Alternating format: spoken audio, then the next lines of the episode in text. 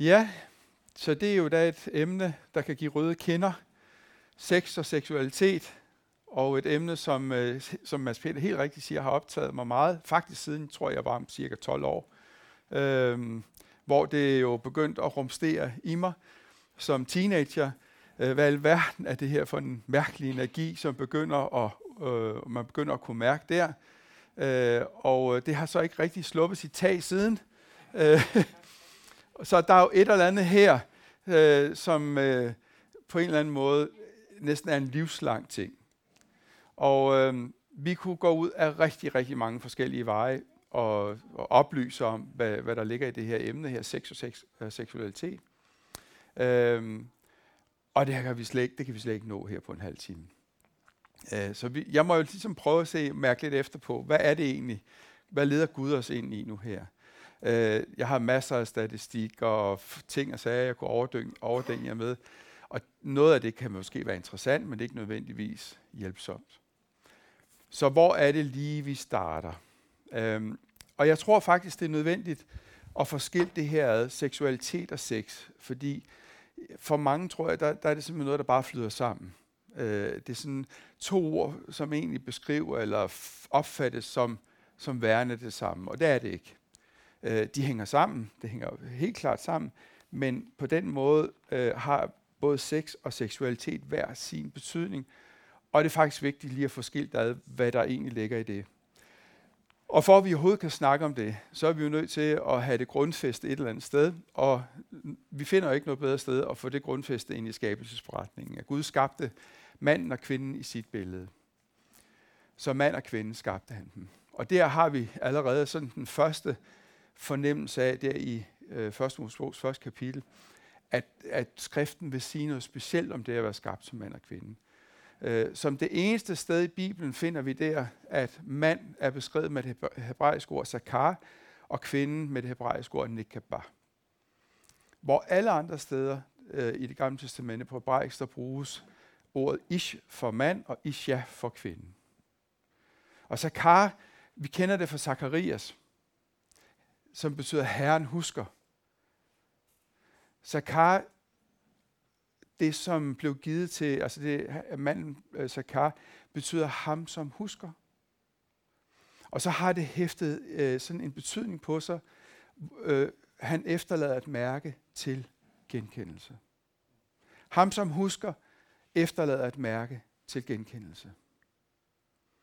Og nekabah, kvinde, det betyder en, der kan penetreres, eller en, der er åben for at modtage. Så allerede her fra side 1 har vi ligesom fået lagt grunden for, at øh, der er noget, hvor vi kan sige, der er en, begge, både mand og kvinde, skabt i Guds billede, forskellig fra Gud, men til lighed med Gud.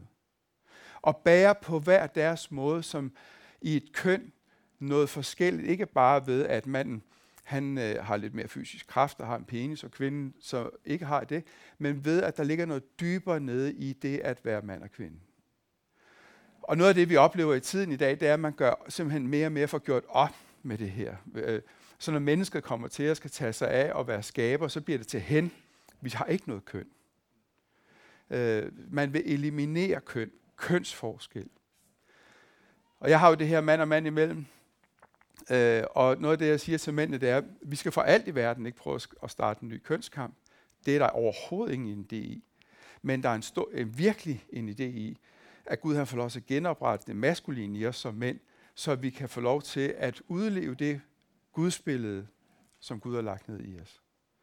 Og sådan en klog kvinde som Lian Payne, hun sagde jo i sin tid, at det er det maskuline, der forløser det feminine. Og det kan vi være enige eller uenige i, men der er faktisk noget i skriften, der kunne tyde på, at det er rigtigt. Men hvis det maskuline ikke er på plads og forløses, i det at blive skabt i lighed til Gud, så forløser det ikke det feminine. Og hvis man sådan skulle sammenfatte noget af det, vi kunne kalde vores tids største sociale problemer rundt omkring, så kom UNICEF i 2007 med en rapport, hvor man har været inde og kigge på, hvad er det egentlig, der ligger til grund for øh, alle de aborter, øh, stofmisbrug, kriminelle problemer, sociale problemer i familien, og man kommer frem til det her ene, statement til sidst. Fraværet af sandt faderskab. Fraværet af sandt faderskab. Så der er en udfordring dertil øh, os mænd, og der er faktisk der ligger en skjult udfordring i til kvinderne. Det kommer jeg ikke ind på i dag. Øh, det vil kræve alt for meget. Men der ligger noget dybt, dybt ned i os, lagt ned i fra Guds hånd. Og hvis vi prøver at eliminere det, så går det galt. Altså, øh, lige nu der opererer man med 71 forskellige kønsdefinitioner, og der kommer flere til. Vi har otte grundfølelser, og vi kan ikke snakke om seksualitet uden at snakke om følelser. Vi har otte grundfølelser. Og øh, øh, det er glæde, overraskelse, foragt, afsky, vrede, tristhed, sorg, frygt og skyld. Det er grundfølelser, der ligger ned i os. Og når vi snakker seksualitet, så kan vi ikke undgå at, at, at, at skulle berøre, at der er følelser i os. Derudover så har vi noget, der hedder emotioner, og en emotion eller emotion, emotions på engelsk, er et sammensat ord af energetic motions, energi i bevægelse. Dem har vi 34.000 af, som viser sig kropsligt, som kun har et kropssprog. Og det vil sige, at når vi begynder at pare øh, følelser, de otte grundfølelser, de forbinder sig så med et netværk af andre følelser, så begynder vi at få en fornemmelse af, at din, dit indre væsen, som skabte Guds billede, det er vanvittigt stort. Vi har, øh, hver gang to nerveceller i hjernen forbinder sig, så snakker man om syntaks. Og dem har vi 100 billioner af. 100 billioner. Så alt det her, der foregår ind i os, sammen med det kommer hormon, hele hormonbilledet, hvor kvinderne har en, en væsentlig øh, større af det, øh, hvad skal man sige, en overvægt af det her oxytocin, og manden vasopressin og testosteron. Når det begynder også at spille med, så snakker vi om noget, der er større end det univers, du kan kigge ud i med det blotte øje. Gud, skabt i hans billede, er mega stort. Det er kæmpe.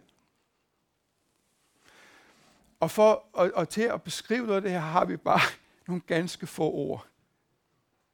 Som kærlighed, forelskelse, når vi snakker sex og seksualitet. Ikke? Orgasme, og hvad ved og, og alt det her, de her ord, alt inde i de her ord, når vi kigger ind i, hvad der sker inde i os, så er det mega stort. Så det at komme rundt omkring det her i formiddag, det lader sig jo slet ikke gøre. Der er, forskel, der er en stor forskel, øh, forskel på øh, følelse og kærlighed. Jeg ved ikke, du lader mærke til, at kærlighed ikke er nævnt blandt grundfølelserne. Og det er fordi, kærlighed er ikke en følelse. Og det er faktisk vigtigt, når vi skal snakke om seksualitet og sex, at forstå, at kærlighed er noget andet end følelser. Den kan føles. Kærlighed er en viljesbeslutning. Kærlighed er forankret i, jeg vil dig. Derfor så spørger Mads Peter, når der er bryllup, vil du, som hos dig står, Tag til ægte, som hos dig står, i modgang og medgang, i, øh, i, øh, og med hvad, øh, og med lykke, den almægtige tilskik jer, ikke. Vil du?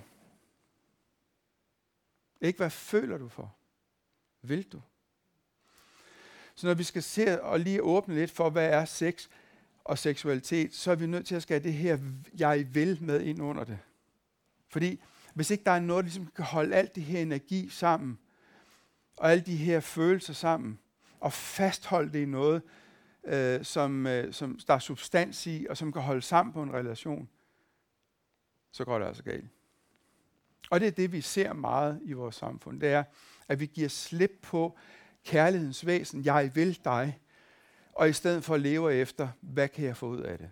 Hvilken, hvordan kan jeg få min lyst bekræftet i et andet menneske? En mand, han kom til mig øh, og ville lette sit hjerte og fortalte om, at han havde været sin kones utro. og så spurgte jeg ham, hvad fik du ud af det? Tomhed, sagde han. Så gik det et øjeblik, så sagde han, nej, der flyttede en fremmed ind. så sex kan ikke adskilles fra det åndelige. Der er ikke noget, som hedder bare hud mod hud. Jeg sad en dag derhjemme med, med vores morgenbord, så gav jeg min kone hånden, ligesom jeg vil give Mads Peter hånden nu. Og så sagde jeg, hvad mærker du, skat? Din hånd, sagde hun. og så gjorde jeg sådan her med fingeren her. Altså, nu, nu reagerer Mads Peter. så gjorde jeg sådan, hvad, jamen, jeg kan godt mærke, at du gør noget med fingeren nu. Det føles sådan lidt, jeg kan godt mærke, der er noget nu. Ikke? Så hvis nu jeg sådan begyndt sådan, så sker der rigtig meget med Mads Peter lige nu. Ja, nu skal vi også lige rømme os lidt for at komme videre. så så det, det her var hud mod hud, ikke? Et håndtryk er hud mod hud. Men en enkelt berøring med fingeren, så er vi langt ud over, hvad hud mod hud er. Nu er det ikke bare et håndtryk mere. Nu er der sket noget mellem os. Og så, når så hånden går op ad armen, så er der sket rigt, rigtig meget mellem os. Og rigtig mange helt, altså helt unge mennesker starter med at have samleje i en meget tidlig alder. Og der er altså langt mere på spil end et håndtryk, skal jeg hilse at sige. Der foregår noget der, udover at to mennesker nu har noget hud mod hud. Der åbner sig noget mellem de to mennesker, som er langt, langt, langt større. Noget vi ikke bare lige forstår. Men når vi reducerer det til hud mod hud, så tager vi skønheden og øh, gudsvæsenet ud af det, det var skabt til at være. Så derfor så er sex jo en ting, som øh, jo hører hjemme i en tryg ramme. Tryghed er altafgørende for, at de to mennesker, som deler det her med hinanden, har en gensidig glædesfuld oplevelse af det. Og rent skabelsesteologisk, der vil man helt sikkert kunne argumentere for, at i det øjeblik, hvor de to er sammen, er, er man tilbage i en helhed, en, en gudshelhed, som øh, på en eller anden måde genopretter og stabiliserer, og øh, øh, den, den her, det er blevet gift, den her pagt, den fornyes mellem de her to mennesker, og bliver ved med at blive fornyet i det, at vi nu kan have sex med hinanden. Seksualitet er langt mere end sex. Alle vores sanser er med der. Så forestil dig, øh, måske det mest mændene, jeg nu lige siger det her til, at du sidder i en togkupé, kigger ud af vinduet, en regnfuld dag, du sidder sådan og dagdrømmer lidt, og pludselig så sætter der sig en ved siden af, du registrerer godt, der er en, der sidder ved siden af dig, men har jo ikke på nogen måde, du vender dig ikke rundt, okay, hvem er det? Du sidder bare og kigger ud af vinduet. Og så går der et øjeblik, så rammer parfumen næsen. Og de fleste mænd i sidder og smiler nu. For det har vi prøvet. Det kunne det godt være, ikke? Så duft er jo en kæmpe stor ting, som bypasser alle filtre. Og som, som går ind og rører ved noget dybt, dybt ind i os. Som har noget at gøre med hele vores historie dem vi er, det vi har med os, det vi har oplevet, det der er sket med os. Vi kalder jo den del af det eros. Seksualitet. Eros. Og ordet eros, det betyder længsel. Og længsel, hvis ikke vi havde længslen i os, så ville vi simpelthen krumme os ind i os selv, og, på, og, og hele tiden forsøge bare at få det, vi har brug for. Længselen i os gør, at vi, vi åbner os ud mod den anden. Så når vi er her i rummet her sammen, så er der ikke sex, håber jeg, men der er seksualitet. Der er altid seksualitet til stede der, hvor vi er, for vi er seksuelle væsener. Og seksualitet handler om hele, den, hele det væsen, jeg er. Min karakter, den person, jeg er. Så hvis man ligesom kunne trække seksualiteten ud af så vil jeg bare klappe sammen som en klud. Der vil ikke være noget ruben tilbage i det. Så vi har jo de her forskellige sanser, synsansen, høresansen, duftesansen, smagsansen og følesansen. Og alle de her sanser er jo i spil lige meget hvor vi er, og med hvem vi er. Så hvis vi nu tegner en lavkage, hvor det hele er seksualitet, så kunne vi tegne sådan en lille lavkagebid ud, der hedder erotika, som er selve den seksuelle akt. Men der foregår en masse rundt om der, som er øh, hele det væsen, vi er. Så Gud har skabt os med den her storhed. Og derfor så er det også så meget desto vigtigere, hvordan vi omgås den og formidler den og administrerer den.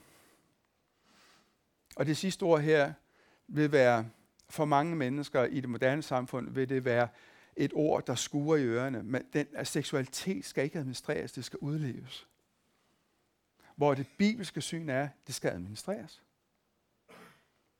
Hvis ikke det falder ned i de trygge rammer, så begår det skade. Så kristen eller ikke kristen, jeg kender ikke til nogen. Jeg har ikke mødt nogen endnu. Jeg har da trods, trods alt snakket med mange, også i min psykoterapeutpraksis. Jeg har ikke mødt nogen nu, der siger, at det var en fed oplevelse med den utroskab. Gallup siger, at 30 procent af den danske befolkning øh, vil være utro på et eller andet tidspunkt i deres liv. En anden undersøgelse siger, at det er 40 procent. Det er lige meget. Rigtig, rigtig mange mennesker får den der utroskab tæt ind på livet. Enten i form af, at jeg selv har været en del af den, eller ved at være ægtefælde til en, som har været en del af det. Så sex og seksualitet handler om, at Gud har lagt noget ned i os. Ikke bare til forplantningen, men til at, at øh, rejse hans væsen op i sig.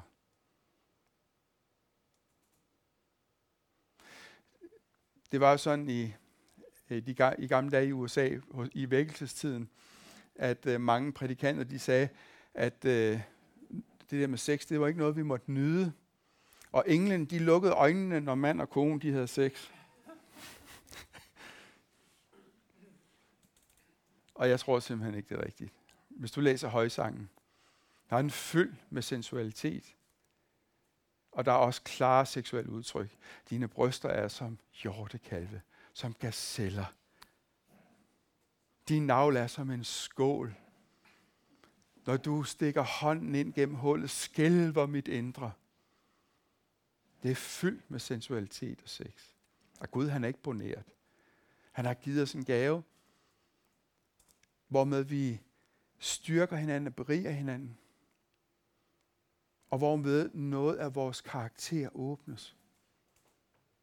Faktisk er der en side af os, som kun åbnes i det øjeblik, at det seksuelle egentlig fungerer mellem mand og kone. Og derfor er det også for mange singler et, øh, en kæmpe udfordring at leve som single. Fordi der er en længsel efter at dele sig selv med et andet væsen. Og man kan ikke bare gå hen og så sige, så, så får jeg den tilfredsstillelse ved at gå i seng med en anden. Det, det, gør, det, det mætter ikke længslen. Det gør den faktisk kun dybere eller sværere at være i. Fordi der følger en skuffelse med. Vi mænd og kvinder er meget forskellige. Så når mand og kone, når to, øh, en mand og en kvinde har samleje med hinanden, så vil kvinden opleve et brus af oxytocin. Det er et kærlighedshormon, kalder man, eller et hormon, hvormed man knytter sig til hinanden. Derfor er der rigtig, rigtig mange unge kvinder, som ved sådan en øh, øh, seksuel one-night stand egentlig får det her brugsoxytocin, hvormed hun vil binde sig til manden. Men hvor han har kun én tanke i hovedet. Jeg har snakket med mange unge mænd om det her. Og kom væk. Lige snart for udløsning, væk. Og hun føler sig jo forladt og såret og ødelagt, fordi manden han ikke vil blive hos hende. Han er, på, han er på jagt efter en ny allerede, som han er kommet hjem. Hvorimod i manden, så kommer der no, er nogle andre hormoner, som bliver udløst ved samlejet. Typisk dopamin, som er et belønningshormon. Så mand og kvinde er meget forskellige i den måde, øh, eller det, der sker i os i det der med at kunne være sammen med hinanden. Så, og bare lige for at tage den også, øh, det her med at have sex med sig selv, vi kalder det onani, og jeg synes, det er forkert, fordi Onan, han, det var en person øh, fra, jeg tror det er anden Mosebog, og der, han havde jo den her levitisk, øh, den levitiske regel over sig, at da hans øh, bror døde, var han jo nødt til at ægte sig med brorens hustru og give hende børn. Og der står så, at han lod sin sæd gå til spil på jorden. Det har ikke noget at gøre med at tilfredsstille sig selv. Det har noget at gøre med, at han vil ikke have, hun skulle have børn med ham. Så jeg vil hellere sige, hvad det egentlig er. Det er at have sex med sig selv. Og alle, jeg har spurgt til dato, har svaret ens på det spørgsmål, når jeg spørger, hvad får du ud af det? Tomhed. Man har faktisk målt på det. Så øh, i sammenligning med at have sex med sig selv og have sex med sin partner, der får man ved at have sex med sin partner 400% mere oxytocin. 400% mere oxytocin. Så Gud har på en eller anden måde allerede lagt noget ned i os, som vi ikke kan kontrollere. Det sker bare, eller det sker ikke. Så når vi krummer os ind i os selv, og vil have tilfredsstillelsen med os selv, så får vi ikke tilfredsstillelsen. Oxytocinen udbliver. Tilknytningen er der ikke. Så øh, nu rørte jeg jo ved Mads Peters arm, før jeg skal nok være. Vi går ikke tættere på. Men det der med at røre ved sig selv, ikke, det giver jo overhovedet intet. Der sker ingenting. Der sker nul ind i mig ved, at jeg rører ved mig selv. Men i samme øjeblik, en anden lægger et hånd på mig, sker der noget. Så bare faktisk der at tage og holde om hinanden i knus i 20 sekunder, så begynder oxytocin at vælte ud i kroppen på os. Mest i kvinder. Så det her indre væsen, Gud har skabt os til at have, det har et formål. Og det vil jeg så slutte med her. Jeg har 10 minutter tilbage. Og øh, som I kan høre, så krasser jeg lidt her, og jeg krasser lidt her i overfladen. Øh, vi har slet ikke snakket om kærligheden. Det kunne vi bruge en time på, bare at snakke om det. Øh, men jeg vil gerne... Ja? Jeg er nødt til at sige en enkelt ting. Ja? I relation til det der med onani. Ja? Der er jo en periode, hvor unge mænd og kvinder ikke er seksuelt aktive. Altså, ja.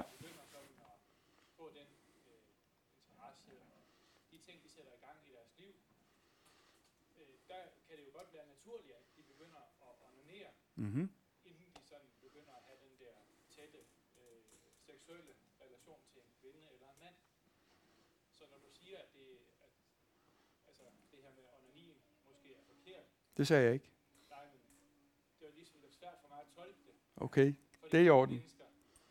At det kan jo godt, øh, altså det skal vi jo lige være opmærksom på, det kan godt gå ind i de unge mennesker. Mm. Jeg forstår godt, at vi som voksne, når det er, at vi har et, et fuldt seksuelt liv, så er det en anden situation. Mm. Bare lige en kommentar. Altså ja. Ja. Men øh, jeg sagde ikke, det er forkert. Jeg sagde, det opleves tomhed. Og det er to forskellige ting. Der er ingen sted i Bibelen, hvor det at have sex med sig selv er nævnt som synd. Det er overhovedet ikke nævnt en eneste gang i Bibelen. Så jeg tænker, det må være op til den enkelte samvittighed, hvordan jeg vil omgås min krop. Jeg siger bare, at det efterlader tomhed. Og det, det må jeg sige, Altså på baggrund af at snakke med rigtig, rigtig, rigtig mange om det her, både unge og, og nogle i min alder, øh, og, så er det altså det, der sker. Det efterlader tomhed. Og der er en anden ting i det også, så rent fysiologisk, man skal være klar over, det er, at det faktisk også kan skabe afhængighed. Og det arbejder man øh, intens på at finde ud af, hvorfor er det, det sker, og hvordan kan man hjælpe dem, som ender i den afhængighed. Så jeg, jeg havde en mand, som øh, han startede med det, da han var 8 år. Gjorde det to gange om dagen. Og har gjort det nu i øh, 32 år. Og var afhængig af det. Og det var han meget ulykkelig over at være afhængig af. Og det tog øh, halvanden års terapi at komme ned til, at han ligesom kunne finde ud af uden fordømmelse, at kunne komme ned til at mærke efter på, at der er noget, det, der, er noget der, det her er bedre til, end at gøre det med mig selv. Og det var en stor glæde og velsignelse for ham at kunne slippe det. Men jeg vil ikke sætte mig til dommer over det. Det er ikke nævnt, og der er ingen grund til at gøre det. Og vi ser forskelligt på det. Og der er plads til, at vi ser forskelligt på det. Men min erfaring er, at det giver tomhed. Jeg vil gerne egentlig så i forlængelse af det slut med, og så tage jeg, jeg kunne godt have tænkt mig at dele øh, 1. Korintherbrev 6 med jer, men det tror jeg ikke, vi når. Øh, og lige tage og runde af med, der er tre episoder fra Nytestamentet, hvor Jesus han rent faktisk møder øh, en kvinde. Jeg ved ikke, hvorfor det er en kvinde, han møder, men det er det, som øh, på en eller anden måde har noget med seksualiteten. Og den første, vi kan tage og lige kigge på, det er kvinden, han møder ved Syghavsbrønd. Hun var jo prostitueret og øh, havde haft adskillige mænd. Og det Jesus han gør der, da han møder hende, det er, at han, han, han taler jo med hende med den dybeste respekt. En jøde taler ikke med en samaritansk mand, og slet ikke med en kvinde. Og slet ikke med en kvinde, der kommer midt på dagen ud til brønden, for så er der noget galt. Hun ville gå med de andre kvinder om aftenen, for at mødes, eller for at de kunne støtte hinanden og være trygge med hinanden. Hun går alene ud midt på dagen, hvor det er allervarmest. Og der møder Jesus hende med øh, en samtale, hvor han begynder at tale om, at der er et indre liv til hende, et fornyet liv til hende i hendes indre væsen. Og hun forstår ikke, hvad han snakker om. Han snakker, hun, bruger, hun tænker på, at, han skal have vand fra brønden, og han snakker om, at der er en indre kilde, som han, hvis, hvis han får lov til at øh, være det for hende, som han er, mester og herre, så får hun en ny kilde til liv i sit indre. Og for at hjælpe hende, så på, siger Jesus på et tidspunkt, gå, så gå ind og hent din mand. Og så siger hun, jeg har ingen mand. Nej, for der sagde du sandt over, fordi den mand, du har nu, er ikke din mand, og du har haft fem mænd før ham. Og det Jesus og disciplen kommer tilbage, og de undrer sig over, at han taler med den her kvinde. Og det Jesus han gør med den her kvinde, det er, at han genindsætter hende med værdighed i hendes samfund. Det mærk, at han nævner ikke noget som helst om den seksualitet, hvormed hun har levet sit liv. Vi ved, vi kan i hvert fald ikke læse ud af teksten, at han gør det. Men han genindsætter hende med værdighed i samfundet. Og med den værdighed kan hun gå tilbage til landsbyen og sige, kom og mød ham, som har fortalt mig om alt det, jeg har gjort. Kom og mød ham. Kvinden, som øh, da Jesus han sidder i Simon øh, Farisæerens hus i Lukas 7, der sidder han, og så kommer der en kvinde ind, som levede i synd, altså igen en prostitueret kvinde. Og hun går hen og begynder at stå og græde ned over hans fødder, tørre dem med, med, med sit hår og salve dem med olie. Prøv, prøv lige at forestille dig, det skete her. At en kommer og tog Mads Peters øh, sko af, og græd ned over hans fødder, vædede dem, tørre dem med sit hår. Prøv lige at mærke efter på, hvad der vil ske i rummet. Der vil ske noget. Og Jesus, han genindsætter hende med værdighed. Han giver hende en værdighed tilbage. Hun har elsket meget, siger han til Simon, og du har elsket lidt. Hun har elsket meget. For hun har vædet mine fødder med sine tårer, tørret med sit hår, salvet mig med olie, og du gjorde ingen af delene. Hun har elsket meget. Hun skal få mig en tilgivelse. Og den sidste, jeg lige vil stoppe op ved, det er jo kvinden, som blev grebet i ægteskabsbrud. Bliver ført ind på tempelpladsen. Det første spørgsmål, vi er nødt til at spørge, det er, hvor manden?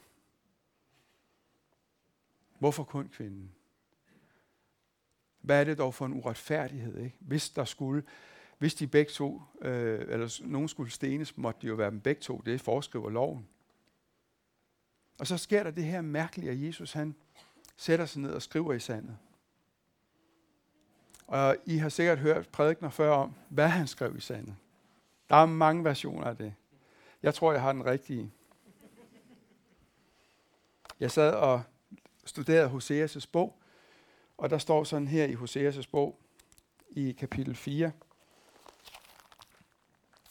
Derfor bedriver jeres døtre hår, og jeres svigerdøtter begår ægteskabsbrud. Selvom de begår ægteskabsbrud. Undskyld. Derfor bedriver jeres døtre hår, og jeres svigerdøtre begår ægteskabsbrud. Det er ikke jeres døtre, jeg vil straffe. Selvom de bedriver hår. Eller jeres svigerdøtre, selvom de begår ægteskabsbrud. det er ikke dem, jeg vil straffe.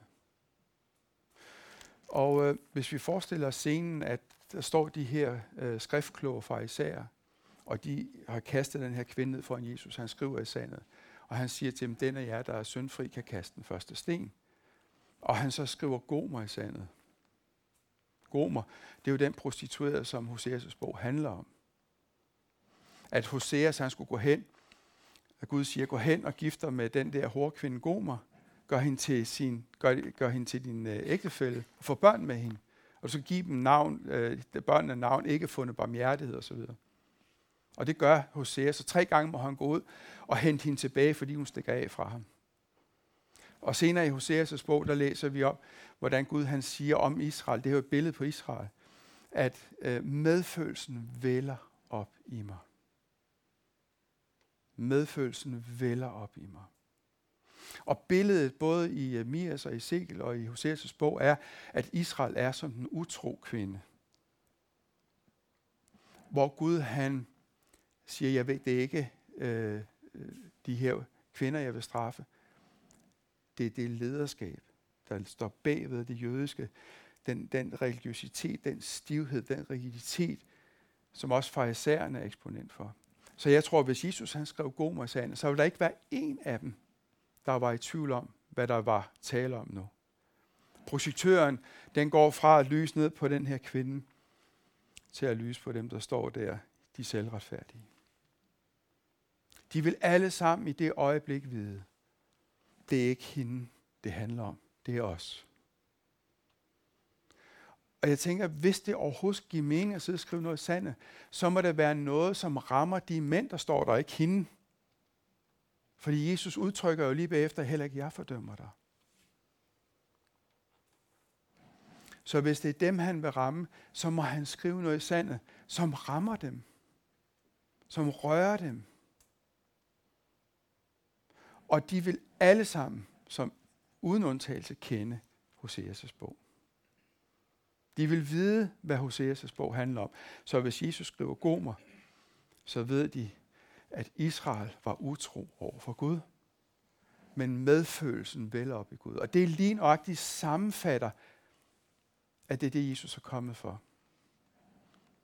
Heller ikke jeg fordømmer dig. Og er der noget, der kan komme til at virke fordømmende ind i vores liv, så er det, når vi kommer til at, at vi på et eller andet tidspunkt i vores liv har levet med vores seksualitet på en måde, som vi måske skammer os over, føler skyld over. Eller for, hvor vi har et parforhold med hinanden, hvor smerten er intens, fordi det ikke fungerer med hinanden. Eller hvor vi er, er, må leve som single og ikke kan få lov til at udleve den del af det, uden at det giver problemer i vores liv. Heller ikke jeg fordømmer dig. Der er faktisk ikke nogen steder i skriften, hvor vi sådan for alvor har den store le frem i forhold til seksuel synd. Der er, Paulus har lige et par steder, men ellers så er det andre ting som hykleri og økonomi, havesyge, begærlighed. Så på en eller anden måde tænker jeg også, at Gud har givet os en utrolig stor gave, hvormed han også ser, at den er skrøbelig. Den er svær at leve i. Og jeg tror, han hos os alle ser det, vi ikke måske får fortalt nogen om, hvor smertefuld den gang imellem kan være at leve i. Heller ikke jeg fordømmer dig. I alle de her tre situationer genindsætter Jesus de her tre kvinder med værdighed i samfundet. Mange af de mennesker, vi må komme til at møde, som vil søge vores fællesskab, har brug for at blive genindsat med værdighed. Og der er noget, man kan være ødelagt i, så er det sin seksualitet. Man regner med, at 40 procent af alle kvinder er udsat for en eller anden form for seksuel krænkelse eller overgreb.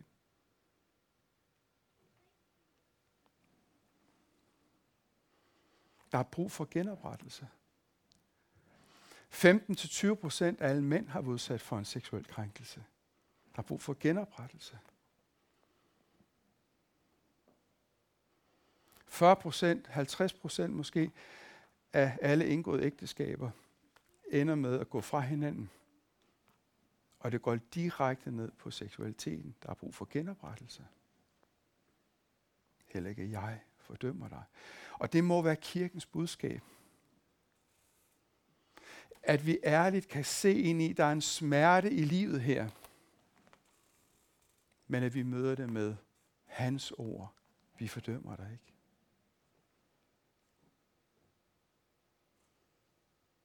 Rigtig mange mennesker, jeg taler med, betragter deres seksualitet som forbandelse.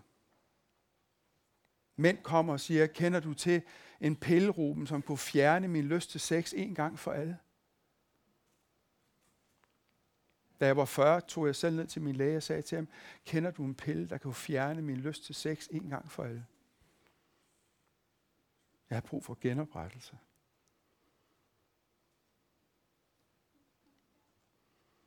Min læge han sagde til mig, jo, sådan en pille kan du nok godt give dig, sagde han. Det fjerner nu bare evnen til at få rejsning. Det vil stadigvæk leve op i hovedet på dig, som det hele tiden har gjort. Hvad med at få dig en elskerinde, sagde han. Så sagde jeg, det hører ikke til i mit liv. Det, det kommer ikke til at ske. Hvad så med at se lidt porno? Så det er det samme. Det kommer heller ikke til at ske. Så ved jeg ikke, hvad jeg skal sige, så. Det var, det var det, han havde at byde ind med. Vi har noget at byde ind med. Genoprettet til Guds lighed. Det, det fornyer og genskaber den, øh, som Gud har skabt os til at være, også til at kunne leve med seksualiteten. Så jeg har fulgtes med mange mænd efterhånden, som har været igennem en lang celibatsperiode, aftalt med deres kone, hvor de kom ud på den anden ende som frie mænd, genoprettet i deres seksualitet. Og hvor de sår, der var mellem mand og kone, de forløste sig, de blev helet igennem den proces. Gud genopretter i vores seksualitet. Øh, celibat er en slags fast, det er fra og sex. Både med sig selv og med sin ægtefælle. Så det kan man godt? Det kan man godt. Jeg er selv igennem sådan en fast periode igen. Det er sundt for os mænd at gå igennem sådan en fast periode en gang imellem. Det er udfordrende, men det er sundt. Gud genopretter og genindsætter os. Medfølelsen vælger op i mit hjerte. Det er sådan, han møder os.